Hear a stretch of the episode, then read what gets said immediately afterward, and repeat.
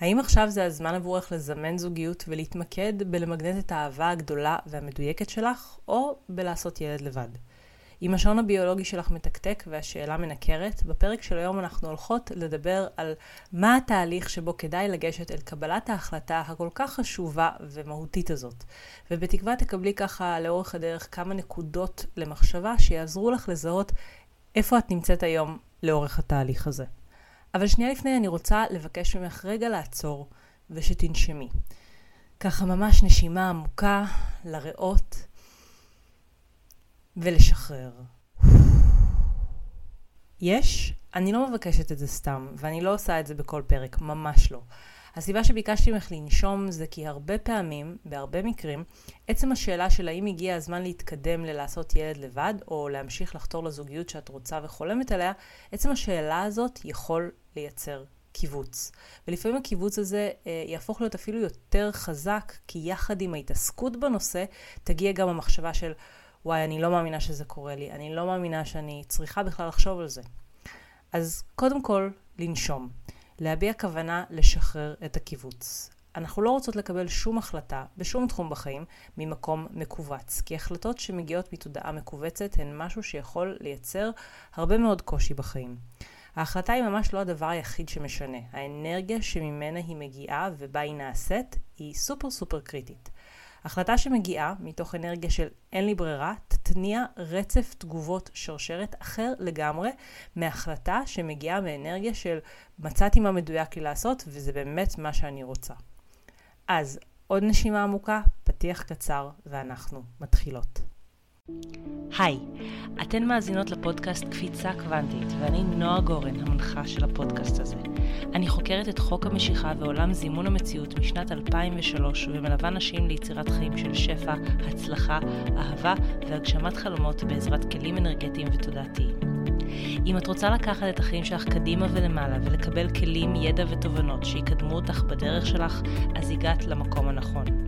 בפודקאסט הזה אנחנו נדבר על מה באת לעשות פה בעולם הזה, מה הולך ליצור לך את חיי השפע והשגשוג שאת מבקשת לעצמך, מה מעכב הגשמה והצלחה, ומה יכול לייצר קפיצות קוונטיות, אותם שינויי מציאות מהירים שמרגישים כמו קסם אמיתי כשהם קורים. מוכנה? אנחנו מתחילות. אז, האם לעשות ילד לבד, או לחכות עוד לזוגיות שלי שתגיע? יש כמה דברים שכדאי להתייחס אליהם ברגע שהשאלה הזאת עולה, והדבר הראשון בסדר העדיפויות זה לשאול איפה אני בתהליך של זימון הזוגיות שלי בכלל. שנייה לשים בצד את הילד ולבדוק מה קרה בעולם ההיכרויות והדייטינג.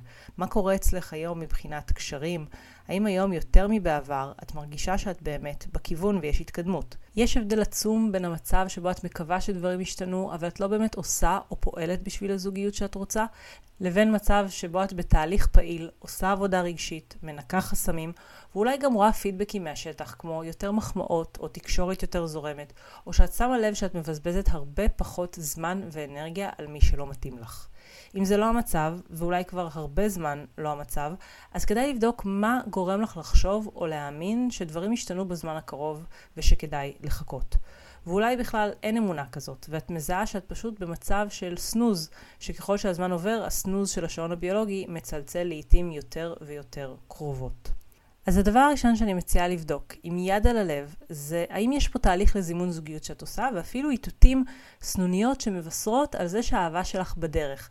שזה דבר שיכול מאוד לחזק ולהטות את ההחלטה לטובת המשך המסע לזוגיות, לעומת ילד כרגע. הלאה, הדבר השני שכדאי לעשות זה לשאול כמה באמת זה ריאלי מבחינתך, להביא ילד כרגע או בכלל. לפעמים רק כשעוזרים את האומץ לשאול את השאלה, מבינים שזה בכלל ממש ממש רחוק מאיפה שאת נמצאת היום. אולי מבחינה כלכלית האחריות מרגישה עצומה, או שאת לא יודעת איזה מערך תמיכה את הולכת לארגן לך בשביל להרגיש שילד לבד זה משהו שהוא אפשרי מבחינתך. או שאולי את מרגישה שאת רוצה לעשות משהו קודם, כמו לעבור דירה, לקנות בית, או אפילו מהלך לא קשור לחלוטין, כמו לסיים לימודים, או לטוס לחו"ל לתקופה, ושזה דרוש לך בשביל שיבשילו התנאים לילד. השלב הזה של להבין כמה זה באמת ריאלי, כמה זה מפחיד מבחינתך, ומה עוד יש לך לעשות, גם מבחינה פרקטית וגם, וגם מבחינה רגשית, בשביל שאפשר יהיה באמת לבחור באופציה שנקראת לעשות ילד לבד. זה שלב שהרבה פעמים לא נותנים לו את הכבוד הראוי בזמן הנכון, מגיעים לדקה ה-99, ואז הכל נעשה בלחץ וחבל. הרבה פעמים השלב הזה יכול, אם תבחרי, לשגר אותך למסע התפתחותי מואץ, להתניע תהליך שאמרנו הוא גם פרקטי וגם רגשי בדרך לילד משלך. ויש משהו מאוד מרגיע בלהבין שכרגע את בשלב ההכנות, בתהליך שבעצם יכול לקרות במקביל להמשך זימון הזוגיות שלך. תהליך שבמהלכו את עדיין לא צריכה להתחייב לעשות שום החלטה שהיא משנת חיים. את רק מכינה את הקרקע. והרבה פעמים, דווקא בנקודות האלה, מגיע טוויסט בעלילה הזוגית ומגיע אדם מדויק שפותר לך את כל הקונפליקט. זה קורה כי עצם הסטת המיקוד, אפילו לתקופה קצרה, מהרצון בזוגיות, שבמיוחד ברווקות ארוכה הוא יכול להגיע לרמות ממש גבוהות של כמיהה, רצון שממש מעיק ומעסיק את התודעה כמעט נונסטופ, עצם השינוי והמעבר להתמקדות במשהו אחר יכול לייצר תנועה שלא הייתה אפשרית קודם, כשכל המשאבים היו מופנים לנושא של זוגיות. עכשיו, במיוחד אם את לא בטיפול או בליווי, או לא עושה כרגע יותר מדי בשביל לזמן ולמגנט אהבה, אז התחושה הזאת של אני עכשיו פועלת עבור עצמי ועבור מה שחשוב לי, היא הרבה פעמים תהיה ממש בוסט אנרגטי, והיא תאותת החוצה ליקום להתחיל להזיז עניינים עבורך בכל מיני תחומים בחיים. עכשיו, בתוך הנושא הזה של פעולה, אי אפשר כמובן לא להזכיר את הדרך הרפואית לקנות זמן, מה שנקרא היום שימור פוריות.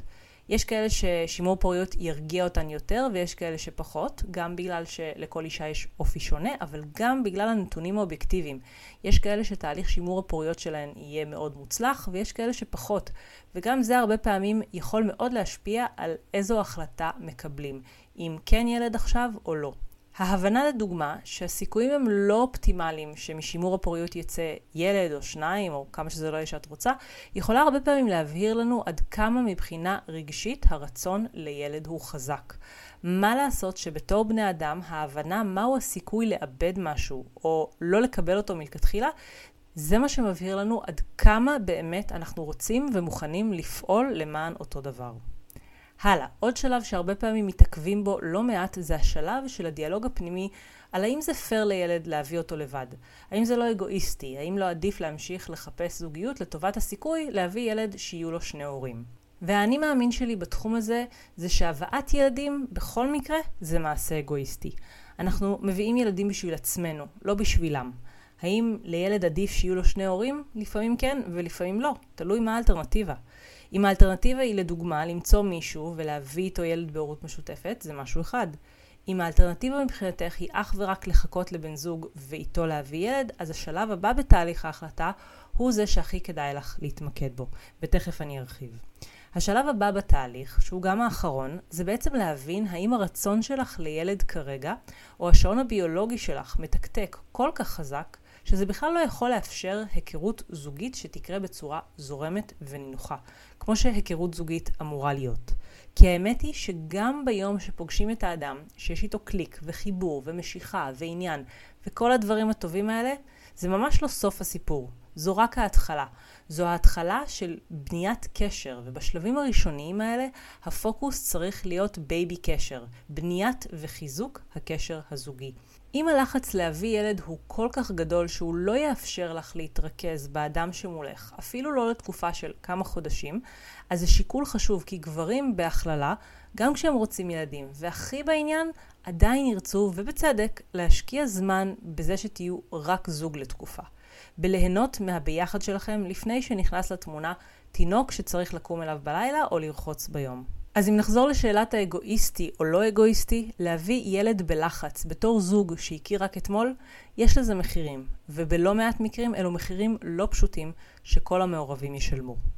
ומהצד החיובי, תזכרי שאנחנו אף פעם לא מזמנות את המציאות שאנחנו רוצות בחלל ריק.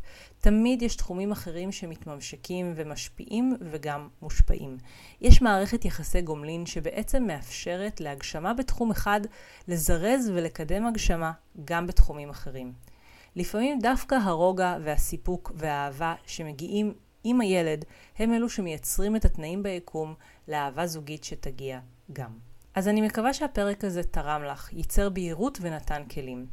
אם את מרגישה צורך וקריאה לסיוע יותר צמוד ולעוד כלים ופרקטיקה לזימון המציאות שאת באמת רוצה, תרגישי חופשי לכתוב לי ולשאול על תהליכי הליווי האישיים והקבוצתיים שזמינים לך. תודה שהיית פה ונתראה בפעם הבאה. אז תודה רבה שהאזנת לפרק הזה. אם אהבת את מה ששמעת, אני הכי אשמח בעולם אם תשתפי ותדרגי ותעבירי הלאה למי שהתוכן הזה יכול לעזור לה. ואם את עדיין לא עוקבת אחריי באינסטגרם, אני מחכה לך שם. חפשי אימון בזימון כדי לקבל ממני ים של תוכן, הדרכות וטיפים על איך לעשות קפיצות קוונטיות וליצור את החיים שאת רוצה בקלילות ובהנאה. זה הכל לבינתיים, ואנחנו נשתמע בפרק הבא.